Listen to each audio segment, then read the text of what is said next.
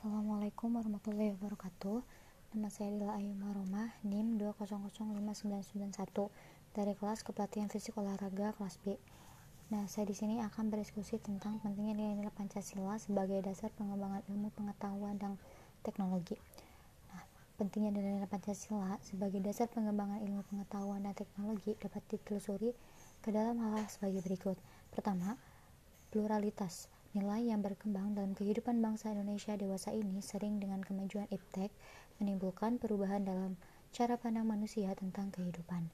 Nah, e, untuk penentuan keputusan nilai juga tidak sesuai dengan kepribadian bangsa.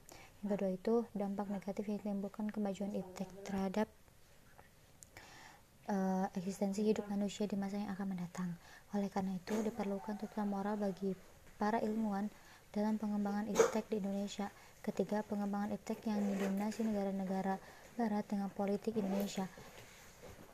Uh, karena mengikuti arus global yang mengancam nilai-nilai khas dalam kehidupan bangsa Indonesia itu sendiri seperti contohnya itu seperti spirit, spiritualitas, gotong royong, solidaritas, musyawarah dan cita-cita keadilan bangsa seperti itu.